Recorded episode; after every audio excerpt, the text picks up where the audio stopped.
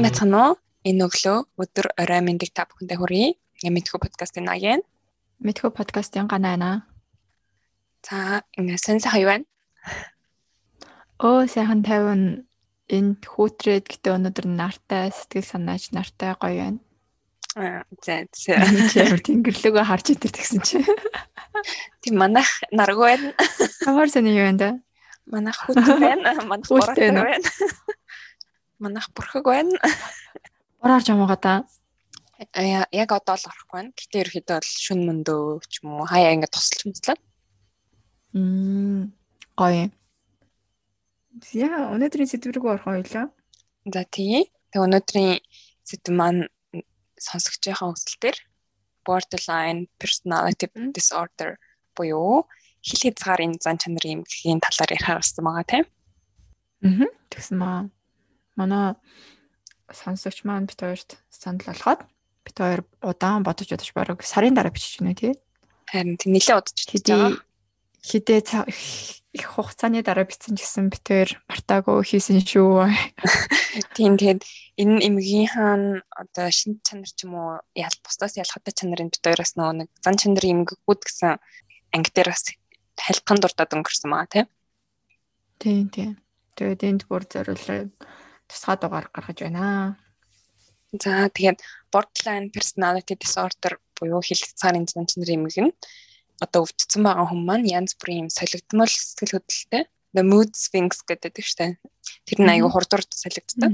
Тэгээд өөрийгөө янз бүрээр бас тэгээд солигдмол байдлаар төсөөлөн бодоход өөрийгөө нэг бол гоёор мэдрэл нэг бол мухагаар төсөөлөд ч юм уу те. Аа. Бас тийм нөө солигдмол зан чанарын аврын одоо авраар тодорхойлогддог гинэ.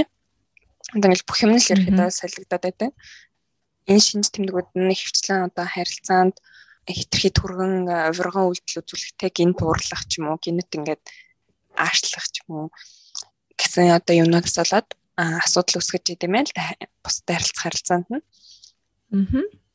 Тэгээд ийм зан чанар эмхтэй хүмүүс хідэн цагаас эхлээд хэдэн өдөр үргэлжлэх тийм уур бухимдал, аль хэцүү гутраал За бүр цаашлаа сэтгэл төвшиг үедтэй байдаг гэнэ.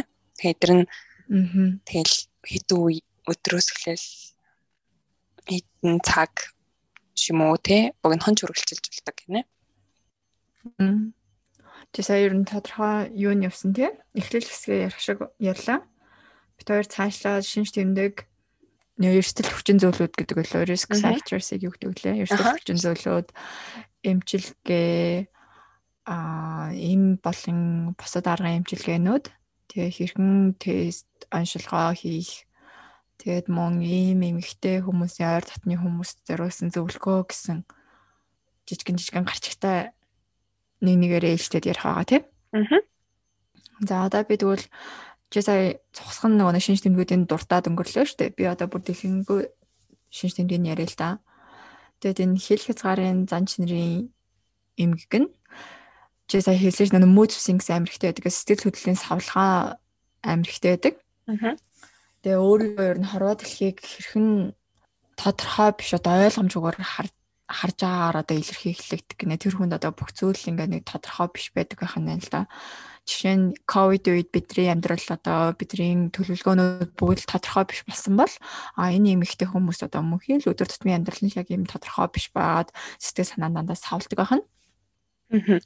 Тэгээд үүний үр дүнд тэдний сонирхол болон юмсыг харах үнэлэмж нь маш хурднаар өөрчлөгдөг гинэ. Нөгөө савлгаан дундаа л бүх зүйл нь өөрчлөгдөд байгаа болохоор. Тэгээ энэ эмэгтэй хүмүүс нь юмсыг хоёр талаар хардгаа. Жишээ нь бүх зүйл сайн эсвэл бүх зүйл муу л гэж хардаг. Нөгөө хар цагаанаар л хардаг. Ерөөсөө саарлаар ч юм өөр өнгөөр харах боломжгүй байдаг. А мөн бусад хүмүүсийн талаарх үзэл бодол нь хурдан өөрчлөгдөх боломжтой гинэ. Нэг өдөр одоо найз нь бүр хамгийн дотны хайртай хүнээс бол дараагийн өдөр нь тэр үнийг бүр ингээд өөрийнх нь дайснаар харах боломжтой байдаг хань. Хөөх зан. Тэгээ ийм хэлбэлцэлтэй мэдрэмжүүд нь чи сая хэлсэн шүү дээ нэг амар тогтургүй хэрний амар интенс буюу хүчтэй цочмог харилцааг ер нь хүмүүсүүдтэй үүсгэх гэдэг гинэ. Аа. За бусад бүр нарийнчсан шинж тэмдгүүдийн дор тий. Аа энд хамгийн ихэнд орж байгаа нь болохоор амар гонхтой юм шиг надад санагдсан. Энэ нь юу гэхээр бодит эсвэл төсөөлж буй хин нэгнээс орхигдож харагдахаас одоо тэр эсвэл тэр хүн эсвэл өөрт нь занал хийх орлого хийх юм шиг санагдаад өөрөө бас яг тийм үйлдэлүүдийг үзүүлэх тухайн үндэ. Аа тухайлбал бие махбодын эсвэл сэтгэл санааны дотн харилцааг хурдан эхлүүлэх эсвэл холбоогоо таслахыг одоо хүлээж байгаа одоо жишээ нь ингээд нэг залуу юм нэг охиндоо ингээд харьцаж янгууд залуу уурнаа ингээд холбоогоо таслах юм мессежүүд өгөөд нь шүү дээ. Магадaltaй ч юм шиг те ингээд бичгээ болоос ч юм уу. Тиймэрхүү зүйлүүдээ шууд тасалдаг гинэ ер нь л ингээм амар хаягт хаас ч юм уу хин нэг ингээд а бэнд үнэхээр хаягтгал юм да тий орхигдохоос айсан айцаас болоод тийм мөдлүүдийг өөрөө ингээд амар төрөм хийцэг. Тий өөрөө төрүүлж хаях магадaltaй. Үнэхдээ яг ингээд бодит байд биш байх байх боломжтой. Яг өөрийнх нь төсөөлөлт болохоор энэ хүн намайг хаях гэдэг ингээ хайж байгаа. Нөгөө нэг нөгөө эсрэг талын хүн одоо жишээ нь үгүй ингээ харилцаа өргөжлүүлэх юм орлоготой хүсэлтэй байсан чинь ингээ өөрөөр ойлгоод тэр хүн л ингээ тархинд тийм мессеж өгч байгаа болохоор бүх зүйлийг хаях магадaltaй байдаг ах нэ. Гэр бүл найз зөвхөд хайртай хүмүүстэй хүчтэй докторгүй харилцааны хэм маягтай байх гинэ. Тэгээ түрүүн хэлсэн чинь нэг өдөр найз нэгаа нөгөө өдөр нь дайсан болчдаг гэд. Тэр шиг хөвчтөн гэхэд ойр татна эсвэл бүр ингээл амар амар татна ингээ хайр дурлал хайртай тэр хүний л одоо ингээд бүх амьдралаа төсөөлж ирснээс эрс дургу болох эрс тэр хүнийг үзий ядах тэр хүндээ уурн хүрэхтэй үн цэнийг нь бууруулах тийм байдал руу бас шилждэг гинэ. Тэгээ дараагийн шинж тэмдэг нь болохоор өөрийнхөө дүр төрх эсвэл өөрийнхөө мэдрэмжийг одоо ойлгохгүй тэр нь маш тогтвортой гажуудсан байдалтай болох гинэ. Тэгээд энэний явсаар төрөмгийн их хөвчлэн аюултай зан ааштай байх. Жишээ нь одоо юмыг амир өрн таран хийх, аюулгүй бэлгийн харьцаанд орох, мансуурлах байц хэтрүүлэн хэрэглэх одоо болгоомжгүй жолоо барих хит хийдэх гэмэд ингээд бүх зүйл хяналтаас гараад эхэлдэг байна. А энэ дээр нэг нэмж side notes буюу одоо тайлбар хийсэн нь хэрэг эдгээр зам байдал нь ихвчлэн сэтгэлийн хөөрөл ирч хүч нэмэгдэх үе тохиолддог бол энэ а хоёулынх нь одоо ярьж байгаа хэл хязгаарын зан чанарын эмгэг биш юм аа харин mood disorder зайлуулж хэрэг одоо сэтгэл хямралын имийг гэх юм болов. Аа. Тэр зүйлийн шинж тэмдгүүд шүү гэж хэлсэн байлээ. Саяны хэлсэн нөө нэг өрн таран хийх ч юм уу те. Аюул аюултай жолоо барих энэ төр их хвчлэн амир сэтгэл санаанд дээр үед гарч ирж байгаа шүү дээ те.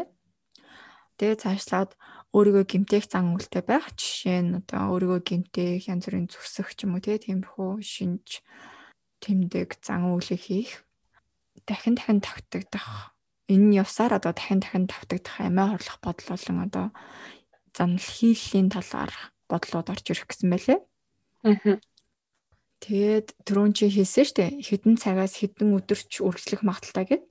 Ийм үргэлжлэх магадaltaй одоо тэр нь дахин дахин давтагдах боломжтой төрөмгий болон маш их дахин дахин өөрчлөгдөх боломжтой сэтгэл санаа, сэтгэл хөдлөлийн байдалтай байх гэсэн мэлээ дараагийн орж ирж байгаа зүйл нь болохоор уучгирсан архаг одоо юм хоосон мэдрэмж төрөх хүнд тийм хоосон мэдрэмж байгаад идэв штэ хаяа тэр нь бол танд ингээ мөнхийн үргэлжилдэг болох нь.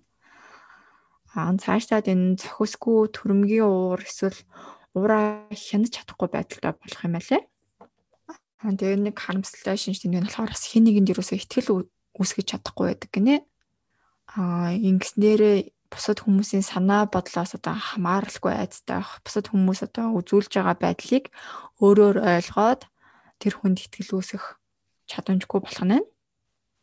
Тэгээд энэ нь явсаар агаад өөрөөсөө тасарсан мэдрэмж авах, өөрийгөө биеийн гаднаас харах эсвэл бодит бус мэдрэмж авах гэсэн мэлээ. Энэ болохоор одоо би ингээд миний бодол санаа цаашлаа сүнсэн би ч юм уу те ингээд миний гана гэдэг хүний биеийн дотор байгаа шүү дээ. Энэ хүмүүс болохоор энийг яг тэгж харахгүй энэ одоо миний бие биш юм шиг те миний бодол одоо минийх биш юм шиг ингээ бүх зүйлээс тусгаарсан өөрийгөө хянах чадваргүй болж байгаа юм байна л да. Аа. Хэцүү юм дээ. Миний юу ойлгохдохоор байна уу? Аа. За за. Тэгэд нөө мэдээж энэ эмэгтэй хүмүүс нь бүх хүмүүс нь л одоо энэ миний хэлсэн бүх шим шимдгийг агуулах боломжгүй албагүй ч юм уу те. Зарим нь хитгэн тэмдэгтэй байх га зарим нь болохоор одоо бүгдийн ч юм уу маш их шинж тэмдэгтэй байх боломжтой. Тэгээд аа маш энгийн зөвл ч юм уу энгийн үйл явдлаас олж мөн энэ шинж тэмдгүүд нь өдөөгдөх боломжтой гэсэн мэлээ. Жишээлбэл нэг сонирхолтой зүйл нь нэг хүнээс ингээм хамааралтай басна дараагийн өдөр нь үзий явдаг гэсэн шүү дээ. Тэгснэ энэ цаашлаад хайртай татны хүмүүсээс ингээ холдоод ч юм уу тий бизнес аялал ч юм уу томилтоор явбал энэ эмэгтэй хүмүүсийн одоо уур нь илүү ихсээ ч юм уу стресстэй юм яагаад гэвэл татны үнээсээ холоогоо болохоор иймэрхүү энгийн зүйлүүдээс олж шинж тэмдгүүд нь нэмэгдэх магадaltaй гэсэн мэлээ. Тэгээ мэдээж энэ шинж тэмдгүүд нь хэр хөршлөх яаж одоо явагдах нь тухайн хүний биеийн байдал болон хэр энэ эмгэг нь одоо хүнд ч юм уу тий хэлбэрт байгаагаас хамаарат өөр өөр байна гэсэн мэлээ ер нь хэцүү юм тийм. Аа. Одоо нөө чи хамгийн ихэнд хэлээд тодорхой биш байдаг гэсэн штэ тэ ер нь бүх юм уу. Тийм. Тийм. Яг хүм одоо бусад хүмүүс жирийн хүмүүс ч юм уу аа бас тиймэрхүү үед тохиолддог те гэхдээ одоо байнга биш ч юм уу нэг хаяа байдаг бол энэ хүмүүст ирэхэд бол баг одоо тогтмол тэгэж мэдрэгддэг гэсэн үг шүү дээ. Тийм тогтмол гарвал миний бодлоор уншиж байхад тэр нөө өдөр болгон тийм байгаа шүү дээ. Тэгээд шинж тэмдэг нь одоо сая хэлсэн шнэ энгийн зүйлүүдээс а триггер авдаг өдөөгдөг гэхээр нэг зүйл өдөөгөөд өгвөл тэгэл өдөрт бараг 2-оос 3 ч юм 4-өөс 5 ч юм ихсэл нэг хүнийхээ эмигийн байдлаас болоод бүр хүндрэх магадaltaй. Аа. Тийм. Тийм нэг бас зарим хүмүүс айгүй жоохон муухан арга шилдэг юм шиг надад санагдсан. Одоо нөө энэ хүмүүс манаас хаяа даа ингээд гинт гинт ингээд бэлгийн ярилцсан дурсдаг гэсэн чинь хамгаалтгүй ч юм ингээд. Аа. Тэрийн амир шилдэг юм шиг надаас жоохон сэтгэл төрсөн. Тийм үү. Нэр тийм байж болох юм тий. Аа. Тийм байна. За тэгвэл чи эрсдэлтэй хүчин зүйлсүүдээ ярих уу? Аа. За тэгээд эрсдэл хүчин зүйл нь бас л нөө бусад эмгэгүүдтэй ирэхэд бол нэлээд төстэй юм байлаа. Тэр нь гэтээ нөө яг үүсгэж байгаа шалтгаан нь бол одоогоор яг энэ нэ гэд тодорхойлж хэлээгүй. А гэтээ судалгаагаар ерөөхдөө бол удамшил. Тэг тархины бүтэц болон үйл ажиллагаа. Тэгээд гадаад орчин соёл болоод нийгмийн хүчин зүйлүүдээс олж үүсгэд дэм нөлөө үзүүлчихнэ гэж одоо харуулсан гинэ тэ судалгаа нь. Аа тэгээд удамшил буюу гэр бүлийн түүх гэдэг нь болохоор хэрвээ ойрын гэр бүлийн гишүүн жишээ нь одоо аав ээж ч юм уу те ихч дүүс нь им эмэгтэй байх нь одоо энэ нэмгээг үүсгэх өндөр эрсдэл болж өгдөг гинэ. Одоо заавал энэ нэмэгтэй байх албагүй гэтээ өндөр эрсдэлтэй гэсэн үг юм нэмэгтэй байх. Аа тэгээ тархины бүтэц нь болохоор судалгаанууд хийсэн чинь энэ дээр нь болохоор энэ borderline personality disorderтэй хүмүүс нь одоо сэтгэл хөдлөл зохицуулдаг болон өдөөлтөгдөг хэсэгт нь бүтцийн болон үйл ажиллагааны өөрчлөлтүүд байгаа гэж хэлсэн гинэ. Аа. Одоогоор энийг бас нүг шууд эрсдэл хүчин зүйл үү эсвэл айдл эсвэл үүсгэгч хүчин зүйл үү гэдэг мэдэхгүй байгаа гинэлтэй. Аа. Аа тэгээд гадаад орчин болон соёл бол нийгмийн хүчин зүйлүүд гэдэг дээр нь болохоор нөө траумад орж исэн хүмүүс гэж юм л да ерхэд бол ихчлэн траума гэдэг юм дахиад хэлье. Зингийн плавсан тий. Тийм маш том одоо түнд цохилт учруулсан. Жишээ нь хямал нөө хүчрхийлэлт өөр өөртөжсэн хаягдсан, орхигдсон аль эсвэл хүнд хэцүү хүүхэд настай байсан хүмүүс одоо хүмүүс илүү нэмгээр өвчлөлдөг гинэ. Тэгээс бол гинтийн байдлаар хайртай татны хүмүүсээ алдсан юм тий. Аа. Тэгээд мөн трауманаас гадна докторгүй харилцаа холбоо болон одоо тийм дайсагнсан зөрчилтэй байсан тийм харилцаанаас болоод энэ эрсдэл хүчин зүйл болдог юм л та. Тэгээд энэ хүчин зүйлүүд нь одоо нөгөө хүнийхээ эрсдэлт хүчин зүйлийг одоо ихсгэх боломжтой болохоос ш үүсгэж байгаа гэж үзэхгүй байгаа нь л дээ. Саяны дурцайдаг. Илүү өдөөж өгдөг хана штэ тий. Аа гэхдээ бас нэг заавал ийм хүчин зүйлтэй байснаар би одоо ийм би болох юм ийм хүчин зүйл байхгүй юм чинь би одоо зүгээр юм байна гэж тодорхойлж болохгүй. Ийм хүчин зүйлгүй байсан ч гэсэндээ borderline personality disorderтэй болох боломжтой гинэ. Аа За эрсдэл хүчлэн зүйлэнд бол юм байна. Энэ бол э, мэдээж сэтгцийн эрүүл мэнд дандаа удамшилтай холбоотой. Тэгээ мөн сэтгцийн гэмтэл авсан ч юм уу. Эсвэл зүгээр л ямар ч тийм зүйлтэй холбоогүй хэрнээ үүсэх магадaltaй байх нэ. Аа хараа одоо хоёлаа эмчилгээгээ яри тий. Аа. Эмчилгээ оншилгоо хэрхэн одоо эмчлэх боломжтой юу үгүй юу талаар ярив хил хязгаарын зан үйлийн эмгэг нь түүхэндээ эмчлэхэд маш хэцүү эмгэгүүдийн нэг гэж үздэг юм байна л да. А гэхдээ шинээр судлагдсан баримтанд суурилсан эмчилгээнээс харахад маш олон энэ эмэгтэй хүмүүс нь шинж тэмдгүүдээ илүү багаар тий цөөн тохиолдлоор болон хурц биш хэлбэрээр явагдах боломжтой гэсэн мэлээ. Ингээд ирэхээр нөгөө нэг тухайн хүний маань амьдралын чанар нь сайжирсан байна л да. Яагаад вэ гэхээр тодорхой биш байдал нөгөө өдөр болго авдаг гэсэн бол тэр нэг 2 хоноод нэг ч юм уу болоод ирэхээр ч энэ чинь сэтгэл санааны хувьд тайван, бие махбодын хувьд бас нэг тодорхой хэмжээнд тайван явахаар амьдралын чадвар нь мэдээ сайжрах нь. Аа гэтээ энэ нэмэгтэй хүмүүс нь баримтад суурилсан тусгаалсан одоо эмчилгээг яг мэрэгжлийн сургагдсан эмчээс авах хэрэгтэй гинэ. Яг нэг лицензээ авсан тий олон жил туршлагатай олон юм өвчтөн эмчилсэн ч юм уу янз бүрийн нийтлэл гаргасан юм уу тий тийм хүмүүсээс имчилгээ авах нь маш чухлаа гэсэн байлээ. Хоёулынх нь одоо ийм подкастыг сонсоод ч юм уу имчилэгдэх ерөөсөө ямарч боломжгүй байна шүү дээ. Тэгээ цаашаа маш олон хүчин зүйлүүд, имчилгээний хугацаа болон имчилгээ эхлээд сайжиртлах хугацаанд нөлөөлөх учраас тухайн хүн өөрөө болон ойр дотны хайртай гэр бүлийн хүмүүс нь маш их төвчээртэй байж дэмжлэг үзүүлэх нь маш чухлаа гэж дурдсан байлээ л дээ. Аа онцлогоон дээр болохоор юу юу хийдэг вэ гэхээр сая би хэлсэн шүү дээ тусгаалсан тусгаалan лиценз авсан эрүүл мэндийн ажилчид жишээ нь одоо сэтгэл судлаач, сэтгэл зүйч, сэтгцийн эмч, эсвэл клиникийн нийгмийн ажилтан гэд ороод ирсэн байлээ. Монгол хотын ийм ажилтан байдаг үгүй би мэдэхгүй байна. Энэ хүмүүс нь ер нь бол энэ өвчнийг оншилноо, эмчилнэ гэсэн баахгүй юу? Тэгээд онцлогтой ер нь гурван гол зүйлийг хийх юм байна л да. Энэ юу байдаг вэ гэхээр шин шимдэг болон сэтгэл санааны байдлыг хамруулад тэрүүнтэй ярилцлага хийх. Тэгээд хоёр дахь нь болохоор эмнэлгийн наривчлсан үйлчлэг хийх. Энэ нь шин тэмдгүүдийг бус шинж тэмдгүүдийн бусад шалтгааныг арилгах боломжтой байдаг гинэ. Аа. Аа цаашлаад түрүүн хоёлаа хийсэн чинь эрсдэл хүчин зүйлээр орж исэн удамшил гэдэг. Тийм болохоор гэр бүлийн өвчний түүхийг асуунаа. Энэ дотроо сэтгцийн өвчний талаарх түүх байна уу үгүй юу гэд нарийн мэдээллүүдийг авдаг гэж хэлсэн байлээ. Тэгээ энэ гурыг хэлсэн шалтгаан нь болохоор хэрвээ та өөрийгөө ийм юм ихтэй ч юм уу те эсвэл сэтгэл зүй сэтгэл судлаач дээр очих гэж байгаа бол ер нь ийм гурван зүйлийг асуудаг юм байна гэд бэлтгэлтэй очивол те. Аа.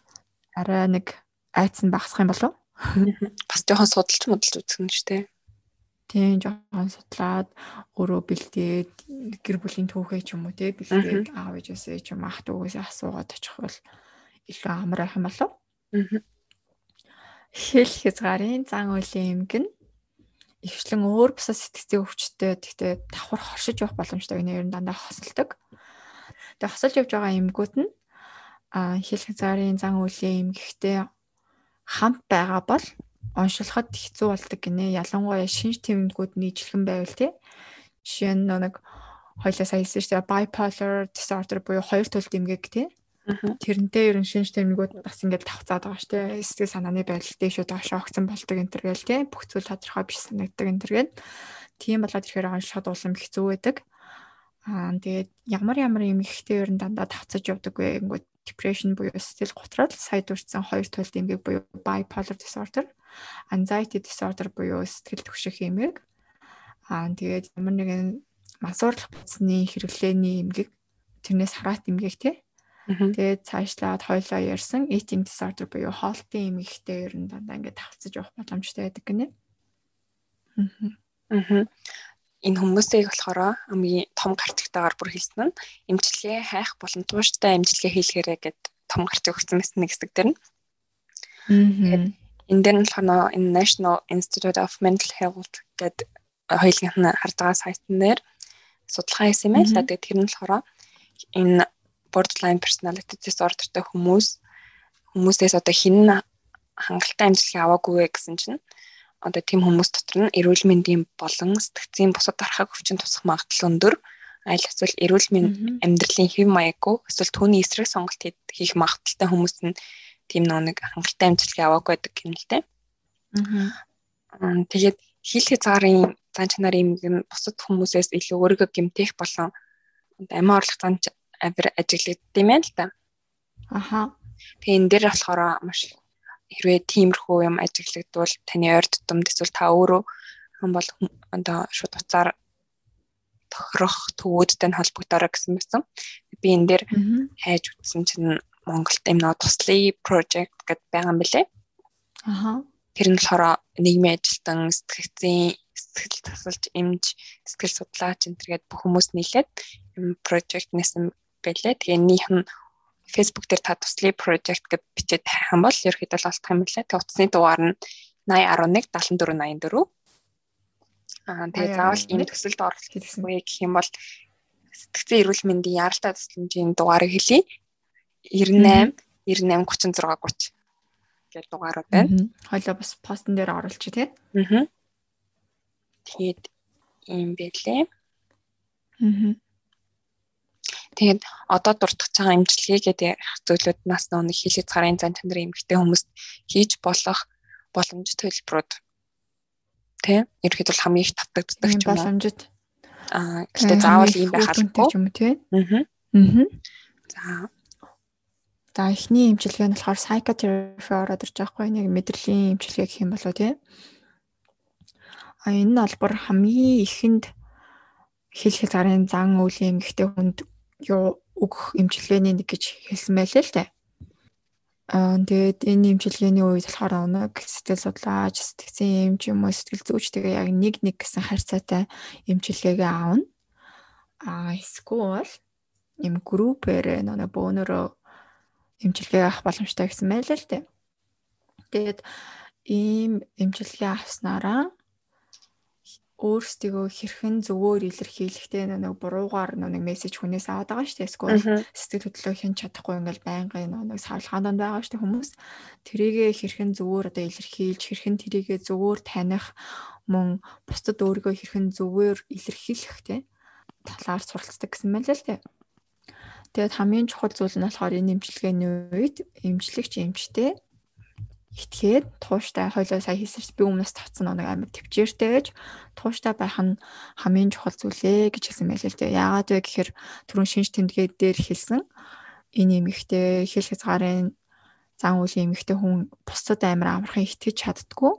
Аа цаанаасаа л нэг тийм итгэлцлийн одоо гүүр нь холбогдож өгдөггүй тийм байдалтай байдаг болохоор ер нь эмчлэгч юм ч юм уу хин нэгэнд итгэхэд хэцүү байдаг болохоор зүгээр л нэг зөв эмчээ олоод итгэхэд баг багаар итгэлөө өгөөд ч юм уу тий тууштай яваад үзээрэй гэсэн мэлээ л дээ. Тэгээ энэ хоёр төрлийн нэг psychotherapy байдаг гэж байгаа байхгүй юу? Нэг нь болохоор dialectical behavioral therapy гэсэн байлээ. Аа энийг би монголоор яг яаж орчуулах мэдээгүй.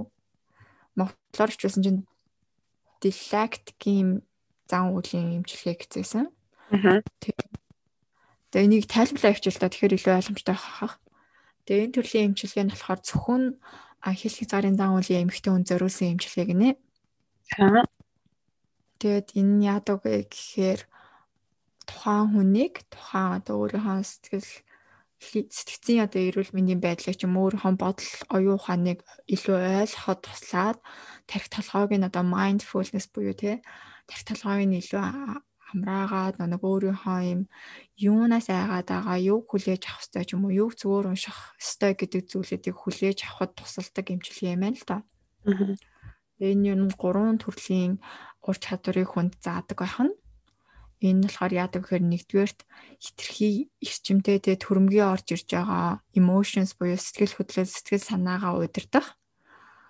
Тэгээ хоёр дахь нь болохоор өөрийгөө няцаасан тэр зан үйлүүдээ багасгах гинэ. Өөрийгөө няцаах гэдэг нь болохоор өөрийгөө нөө тодорхой биш байгаа байдлаас болоод өөрийгөө муугаар ч юм уу бусдын муугаар ингээл хараал байгаа штэ тэдрийг ер нь багасгаж өгөхөд тусалдаг байх нь. А гуравт нь орж ирж байгаа нь болохоор хин нэгнтэй харилцаа холбоо байгаа бол тэрийг ингээд сайжруулахад тусалдаг гинэ. Нэг зөв мессежүүдийг уншиж тусалснараа өөрийгөө улам ойлгоснараа бусадтай бас харилцаа холбооны руу сайжирдаг байх нь л тийм. За хоёрт нь орж ирж байгаа эмчилгээ нь болохоор cognitive behavioral therapy буюу хоёлоо дандаа л яриад байдаг тийм. Дал тухамсрын зан үйлийн эмчилгээ ахнэ. Энэ төрлийн эмчилгээ нь болохоор хэл хязгаарын зан үйлийн эмгэгтэй хүнд өөрийнхөө одоо үнэн байдлыг танихад тий эсвэл яг ингээд өөрийнхөө солигдоод байгаа зан сэтгэл хөдлөлийг танихад тусалдаг. Аа тэгээ бусадтай одоо ингээд хэцүү байгаа үл ойлголцоод байгаа ч юм уу тэгээ өөрийгөө буруу илэрхийлээ ч юм эсвэл тэр хүнд итгэхгүй байгаа байдлаас олж үүсэж байгаа тэр харилцаа холбооны асуудлуудыг зөвөр шийдэхэд илүү сайжруулахад тусалдаг байх нь л дээ. Тэгээд цаашлаад энэ аа нэг сэтгэл санааны хямралыг багасгаж өгнө. Тэгээд хин нэг нь итгэхгүй байгаагаас болоод ч юм уу тэгээ харилцаа холбоонд нүүсээд байгаагаас олж үүссэн сэтгэл төвших шинж тэмдгүүдийг багасгаад энэ явсаар агаад өөрийгөө гимтэх зан үйлүүдийг бууруулахад тусалдаг гэсэн мэлээ. Аа. Аа тэгээд хоёр дахь том эмчилгээ манаас нөө эми эмчилгээ байгаа тий. Аа. Тэгээд мэдээж хэрэг бид хоёр эми эмчилгэээн дээр эмийн дурдахгүй. Аа. Эмийг хүсч байвал бас эмч дээр хандах хэрэгтэй. Тийм эми эмчилгээг нөө өөр ашигнах ямар хуу одоо яг чи яг яаж үйлчлэж байгаа хэр тодорхой симптом буюу шинж тэмдэг бууруулж байгааг мэдэхгүй учраас ерөөд бол их үед нь хэрэгэлдэггүй гэнэ л дээ. Тэгээд зөвхөн цөөн тохиолдолд хэрэгэлдэг тодорхой шинж тэмдгийг бууруулахад андаа хэрэгэлдэг гэнэ л дээ. Тэгээд энд нь болохоор mood swings буюу тэр нөгөө нэг зан аш хуурах ч юм уу тийм сэтгэл хөдлөл нь савлахаах. Тэгээд сэтгэл готрол болон сэтгцийн босод өөр өвчтэй байх тохиолдолд эм эмчилгээ хийдэг гэнэ л дээ. Заримдаа одоо эмэмчлэг хийж байгаа үед одоо зөвхөн тэр эм бичиж өгж байгаа эмчээс гадна өөр бас эмчнэр шаардлагатай болдог юм л те. Тэг яа тэгэхээр эмэмчлэгнээс нь болоод нөгөө хүнд маань бас нөгөө гаж нөлөө үзүүлэх боломжтой байдаг учраас яс олон юм шаардлагатай байдаг гинэ. Аа. Бас нөгөө зарим borderline personality disorderтэй хүмүүс маань хүмүүсийн машин шимгээ маш хүндэт юм л да. Одоо хэрвээ хөнгөн байх юм хөнгөн ч юм уу эсвэл дунд цэцэргийн үед болохоор тийм хүмүүсийг амбулантаар аваад одоо тэр нөгөө нэг ярилцдаг ч юм уу те нэг цаг өдөрт 2 цагийг 7 өдрийн 2 удаа ч юм уу ингээд уулзаад болцдог бол зарим үнэхээр хүнд одоо тэр өөрийгөө гимтээх нь ч юм уу бусдыг гимтээх ч юм уу те тийм одоо тийм хүнд шинж тэмдэгтэй байгаа үед иймэр хүмүүсээ одоо нэг эрчимтэй илүү эрчимтэй болон хэвтэн имжлүүлэх шаардлагатай байдаг юм л да. Аа. Тэгснээрээ тэгээд ийм имжлэгээ өдөр болгон сэтгэл зүй сэтгэл судлаачтайгаа ярилцаад имжлэгийг авах нь шүү дээ тийм. За тэгвэл дараагийнх нь болохоор therapy for caregivers and family members гэсэн байхгүй юу? Энэ юу гэхээр харгалт асар хамгаалагч юм уу тий гэр бүлийн гишүүд эсвэл хайртай нэгнийхэнд зориулсан имжлэгээ гэж бас байгаа юм байна лээ. Яагаад гэхээр хил хязгаарын заавал эмэгтэй хүмүүстэй хүмүүс ч надаа ингээд бас нийгэмшгэл гэр бүл дотроо байгаа ирнэ сэтгэлцэн үүсэхгүй те гинтийн сэтгэл санааны нөгөө нэг савлгаанасаа болоод хайртай дотны нэгний гомдоох ч юм уу янз бүрийн үйлдэл хийх тийм эрсдлүүд зөндөө байгаа учраас гэр бүлийнхэн ч юм уу хайртай хүндэн эсвэл асран хамгаалагчтан зориулсан юм бас эмчилгээ явагдах боломжтой гэсэлээ. Аа. Аа Ингэснээрээ яах вэ гэхээр тодорхой нэг гэр бүл доторх хүмүүс нь ч юм ойр татны хүмүүс нь илүү нөгөө энэ эмэгтэй хүний илүү ойлгоход туслана. Үл ойлголцол багасна. Яагаад вэ гэхээр одоо энгийн ингээд хойлоо ч гэсэн энэ эмгийг мэдгүй байгаа судлаач юм уу манай сонсогч ч гэсэн подкастаар дамжуулаа энэ эмгийн талаар мэдж байгаа шүү дээ. Тийм болохоор нэг хайртай хүнээ ч юм уу дотны нэг хүнээ эсвэл гэр бүлийнхаа нэг гишүүнийг ийм эмэгтэйг мэдгүй хэрнээ мэдгүйгээсээ болоод ч юм уу тэгээ яахаар одоо нэг энэ шинж тэмдэг нь өдөөгдөөд энэ хүн ингээд илүү хэцүү байдалд орт юм бэ тийм мэдгүйгээсээ болоод нөгөө тухайн эмэгтэй өнөө бүр гомдоох ч юм уу бүр шинж тэмдгийг ихсгээд өвчний эмэгийн хүндрүүлэх боломжтой учраас үүнээсээ сэргийлээд гэр бүлийн гишүүдийн ийм эмчилгээнд яваад энэ эмэгийн талаарх илүү мэдээлэл өгөөд хэрхэн одоо энэ эмэгтэй өнөө илүү ойлгож тусдим болох вэ гэдэг талаар мэдээлэл өгөх юм байл л дээ. Аа. Тэгэд аа энэ эмчилгээ явснараа болохоор түрүү би бүгдийн нэгтгэл ярьчлаа энэ нэмэгтэй хүнээ илүү ойлгох энэ өмнө энэ хүндээ илүү дэмжлэг өгөх харилцан нэг нэг ойлголцож илүү их сайн харилцаа холбоо үүсгэх. Аа. Энэ нэмэгтэй хүнд одоо юу тусалтай бидраас одоо юу шаардагдж энэ хүнийг илүү хурднаар тэмжилгээ нүр дүнтэй байх вэ гэдэг мэдээлэлтэй болох. Энэ нөө гэр бүлийн гишүүдийн болон энэ эмэгтэй хүний харилцаа холбооны эмчилгээний талаар судалгаа явуулах хэрэгтэй гэсэн байлээ. Гэтэ мэдээж нэг ийм имчилгээнд тайртай татны хүн нь яваад тэр эмгийн талаар илүү ойлголттой болоод илүү нэг нэг ойлгодог баснаараа тодорхой хэмжээнд имчилгээнд нь үр дүн гарнаа гэж үгдсэн бэлээ. Аа. Тэгээд шууд тэр хүн туслахгүй ч гэсэн тий. Аа. Аа. Тэрнээс гаднаас энэ сайт дээр маань гэр бүл болон бас асар хамгаалагчд маань хэдэн зөвлөгөө өгсөн байлээ. Аа. Тэгээ хамгийн эхлээд болохоор сэтгэл санааны дэмжлэг гэж хэлсэртэй ойлгох. Тэвчээр бол урам зориг өгөх. Тэгээд зарим өөрчлөлтүүд нь хэлхийд цаарын зан чанар эмхтэй хүмүүст нөө хэцүү бол айц төрүүлж яадаг гэнэлтэй өөрчлөлтийнх нь. Ийм учраас одоо энэ өмнөөр нь илүү их дэмжиж ойлгож өгөөд урам зориг өгснөөр энэ хүмүүст маань илүү их ингээд нөгөө өөрчлөлтийг өөртөө авчрах нь илүү амархан тийм үн цагийн стилөө жоох уртцтай ч юм уу тий болж гэдэг. Тийм үн одоо хэрвээ таны ойр дотныхан ямар нэг сэтгцийн өвчтэй хам бол одоо сэтгцийн талаар уншиж судлаарай гэсэн мэлэн. Ингэснээр та нөгөө хүний сайн ойлгоод нөгөө хүн юу туулж байгааг одоо багч гэсэн ойлгоод за үнэхээр мэдрэхгүй маа гэхэд те жоох ойлгох тийм сэтгэлгээтэй болж ирнэ гэсэн мэлэн. Тэгээд эсвэл бичлэг энэ төр үзэхтэй YouTube-с Тийм. Уншихгүй маа гэхэд тийм киноч. Эсвэл манай подкастыг сонсох. Нэр нь манай подкастыг сонсох их амархан. Алхаж захта спорт хийж захта сонсч ялна. Аа.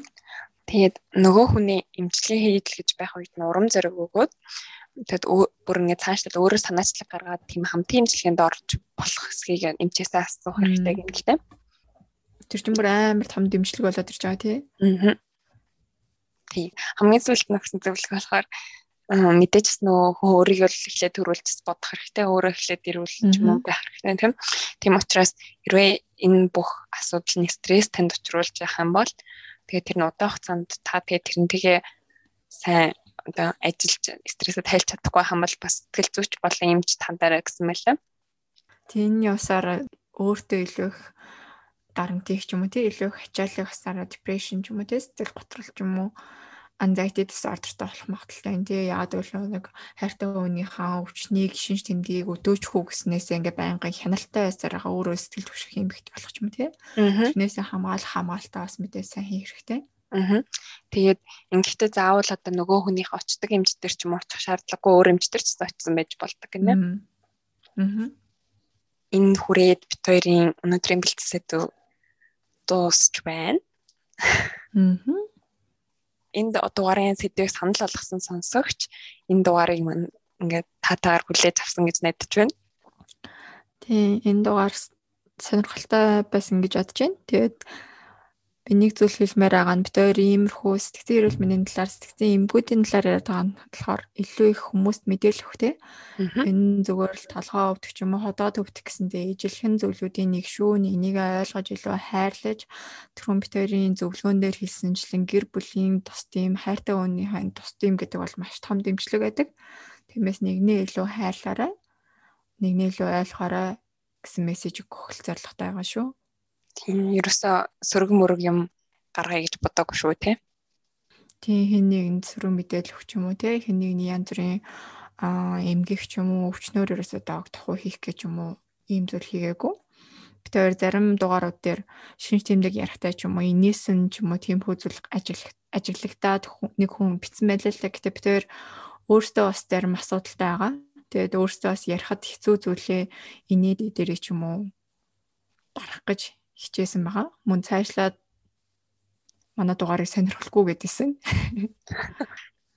Тэр арай жоохон фан байх гэж хичээсэн гэтээ мэдээж хэтрүүлсэн бол хөлцөл өчий.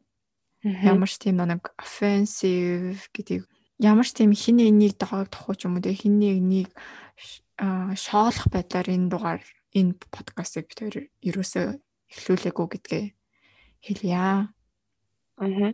Тийм нөө яаж ярьж байгааг нь биш ерөөхдөө бол юу ярьж байгааг нь сонсоод үзэрэй л гэж хэлье.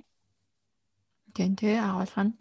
Бид хоёрт мэдээж нэг энэ подкастыг хийхэд юм энэ дугааруудыг бичгээд хүндрэлтэй зүйлүүд зөндөл гарсан. Бид хоёрын сэтгэл санаа ч гэсэн амар свингтэй болсон. Тэгэхээр ер нь хичээж байгаа. Та хэд ч гэсэн сонсоо сонирхоорой. Нэг эндээ хуваалцаарай. эхний үед бас нэлээх амар их нөгөө нэг mood swings орж ирдэг байсан те ингээд өөртөө бэлдэж байхдаа ч юм уу ингээд илүү негатив болоод. Тий. Бүр амар нэг хэсэг эхний 5 6 дугаар дээр тийм байсан уу? Тийм амар тийм байсан. Одоо бас арай гайгүй өөрхөн тасаадах шиг байна. Тасаад өөрсдөө яаж хамгаалахаж мэдээ те тий. Тэгээ явах шиг байна л гэж бодож байна шүү. А тий шоолоогүй шүү тэгээд энэ дугаарыг хүлээж авч сонссон бүх хүмүүстээ баярлалаа. Дараагийн дугаар дээр дахин уулзцгаая. Түр баяртай. Баяртай